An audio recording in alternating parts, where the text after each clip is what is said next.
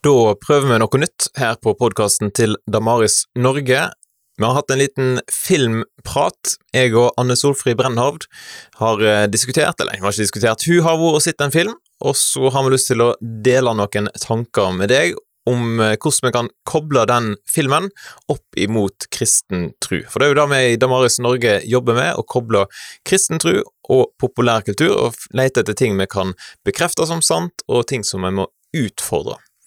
Veldig kjekt hvis du har lyst til å lytte gjennom denne podkastepisoden og gi en tilbakemelding på om du syns at dette var en aktuell og kjekk måte å få ressurser fra oss i Damaris på. Og hvis du har lyst til å gi en tilbakemelding, så kan du gå inn enten på Snakk om tro eller på damaris.no og ta kontakt via kanalene der. Anne Solfrid Brennhovd, du er redaktør for Snakk om tro, og nå har du vært på kino. Det er jo ikke alle som er så heldige at de kan gå på kino som en del av jobben sin, men da kan altså du, og du har vært og sett den nye Men in Black International-filmen som nå er ute på kino. Hva handler denne filmen her om? Det er film nummer fire i denne franchisen eh, om en superhemmelig enhet som eh, beskytter oss alle fra eh, angrep fra eh, aliens eller fra utenomjordiske vesener. Eh, for konseptet i denne historien er at det er en hel hær med ulike vesener som bor på andre planeter og andre galakser. Eh, og som etter hvert eh, har blitt ganske normale òg her på jord. Eh, noen av de har kommet fordi de har rømt fra sin egen galakse for å få et bedre liv her. Eh, noen av de er her for å overta jorda, for å få makt. Da trengs det altså en styrke som skal beskytte oss mot disse angrepene. Men de er så hemmelige at um, normale folk ikke vet hvem de er. De aner ikke at de eksisterer, og de jobber så effektivt at vi får det ikke med oss at de overhodet fins, eller at det fins uh, utenomjordiske vesener i det hele tatt. Og skulle du oppdage, få et lite glimt av utenomjordiske vesener, så er de kjappe der og fikser på hjernen din sånn at du husker noe helt annet enn det du egentlig har sett.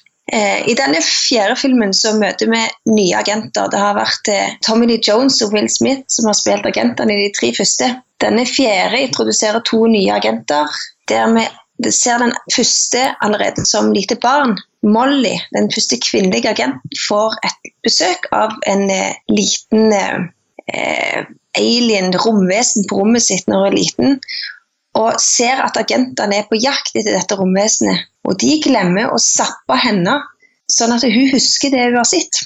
Og er derfor fast bestemt på at når hun blir voksen, så skal hun bli en del av denne spesialenheten når hun skal jakte aliens. Eh, når hun klarer å bli en del av denne enheten og bli en agent, så blir det klart at det er noe muffens internt i enheten, og det blir hennes første oppdrag. Og det er det denne filmen går ut på. Yes. Så folk har jo kanskje fått med seg eh, disse filmene før, 1, 2 og 3. Bør de nå eh, løpe til kinoen og få med seg eh, film nummer fire? Er det en kvalitetsfilm, Anne Sofri? Nei, det, man kan ikke si at dette er en fantastisk bra film. For det er det ikke. Den mangler en god historie, den mangler Will Smith og Tommy Jones. Det mangler snerten. Det er jo en action, komedie, sci-fi blanding. Og det skal ikke være troverdig, men det hjelper at det er litt morsomt, og det er det ikke heller, dessverre.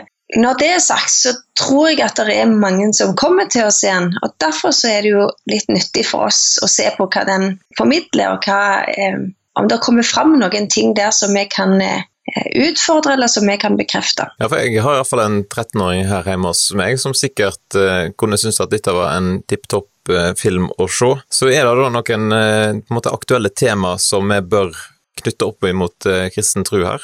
Ja, jeg hadde med meg min 13-åring på, på, eh, denne visningen. Det vi har snakket om etter, i ettertid, det er en frase som går igjen i filmen. Der, som er meint å være morsomt, og som er meint å, å være noe som filmen spiller på. Men, og som jeg tror kanskje mange kan eh, ha hørt eller kan ha brukt sjøl. Eh, for flere av disse her agentene snakker om at universet leder deg der du skal være, når du skal være der. Litt sånn skjebnetro, at det som skal skje, det skjer jo. At en eller annen gang kommer du til å møte din framtidige kjæreste. Tilfeldighetene spiller sånn inn at ting går bra, eller stjernene står i riktig posisjon, eller ja, det, det er litt sånn ting som man gjerne sier, men som jeg tror kanskje noen innerst inne håper litt på òg skal være sant. Eh, at vi har litt hjelp av universet eller tilfeldighetene eller av livet sjøl for, eh, for, at ting skal bli bra. Det har vi brukt en del. Og på den andre sida så har vi snakket litt om eh, Molly, denne her eh, hovedpersonen, hovedkarakteren. Eh, helt i starten av filmen så ser vi et lite glimt av hva hun leser som liten jente. Og det er ganske imponerende, for hun leser altså Stephen Hawking, eh, som er den kjente avdøde fysikeren og tydelige ateisten. Han skrev 'The History of Time from Big Bang to Blind Holes'. og Det er altså en populærvitenskapelig fremstilling av kosmologi. Og Det er den boka som er kåra til den som flest mennesker har kjøpt og aldri lest. Den er ganske tung. Men det som hun sier, er at hun vil gjerne finne ut av hvordan ting henger sammen. Hva er universet skrudd sammen av? Hva er meninga? Og Litt senere i filmen så snakker de om kjærlighet og sammenligne det på en måte, og sette et likhetstegn mellom kjærlighet og fysisk tiltrekning. Og Da er det en av de som sier at fysisk tiltrekning det er ikke noe mer enn kjemiske reaksjoner i hjernen. Og Da skjønner vi litt av Molly sin tilnærming til hvordan hun skal finne ut av hvordan ting henger sammen. Hun er interessert i den naturalistiske tilnærmingen, der man ser på naturvitenskapen og tenker at det, livet er ikke mer enn det vi kan se og måle og ta på og eh, finne ut av gjennom eksperimenter. Det er hennes måte å finne ut av hvordan er det universet henger sammen. Men de to tingene er jo egentlig litt sånn selvmotsigende. For det første så kan ikke naturalismen gi oss alle svarene. Hvorfor er vi her? Hva er meninga med at vi er her? Hva er rett og galt? Hva er framtida vår? Det hun ønsker å finne ut av, er ikke sikkert vil gi henne de svarene som hun egentlig leter etter. Eh, og Da er det lett for oss å tenke at eh, ja, ja, men hvis jeg eh, ikke helt vet hva jeg vil, så vil gjerne universet hjelpe meg allikevel. Skjebnen vil, vil trø til, og livet blir jo sånn. Men det, er, det henger ikke sammen med det første. For hvis du har natur, en, en, naturalistisk tilnærming, så, så, mangler du grunnen. Du mangler det som er, er motivasjonen. For hvis vi bare er naturalisme, så vil livet bare følge en viss lov. Og Da kan vi ikke tro på skjebnen, eh, for da kan ikke universet gripe inn og, og forhindre den ulykka som egentlig skulle ha skjedd. Eh, eller å få deg til å bli sammen med en kjæreste som, som du egentlig ikke var fysisk tiltrukket av i første sekund. Og den disse to tingene må du på en måte finne en balanse mellom hvis du tenker sånn som disse her karakterene gjør. Og det er egentlig ganske ulogisk. De to tingene er det vi har brukt litt tid på å reflektere over på, på en litt eh, enkel måte. Kan vi tro på skjebnen? Er det sånn at eh, jeg kan bare slappe av, for det som skjer, det vil jo skje likevel? Eller er det sånn at jeg må ta fullstendig ansvar for meg sjøl? For, for, hvis ikke jeg passer på meg sjøl og, og tar de rette valgene, så, så vil eh, ikke livet ha en mening. Jeg er nødt til å skaffe meningen sjøl. Så altså en film som det faktisk går an å ta tak i og snakke om. Kommer det til å bli noen ressurser på å snakke om tro knyttet opp mot denne filmen her?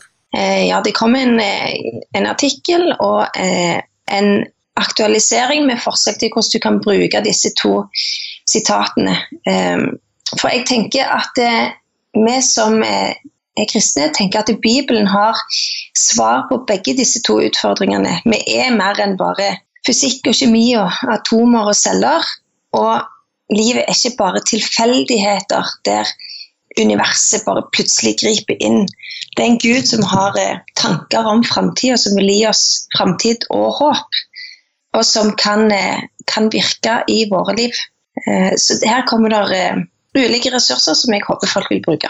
Yes, og de kan sikkert brukes både med og uten filmen, på en måte. Altså Selv om du ikke du går og ser filmen, så kan det være aktuelt å lese ressursene og ta tak i det, eventuelt om du skal ha en andakt, eller om du skal eh, på en eller annen måte snakke med noen om eh, tro. Så sjekk ut ressursene som kommer på Snakk om tro, eller som kanskje er der allerede når du lytter til denne podkasten her.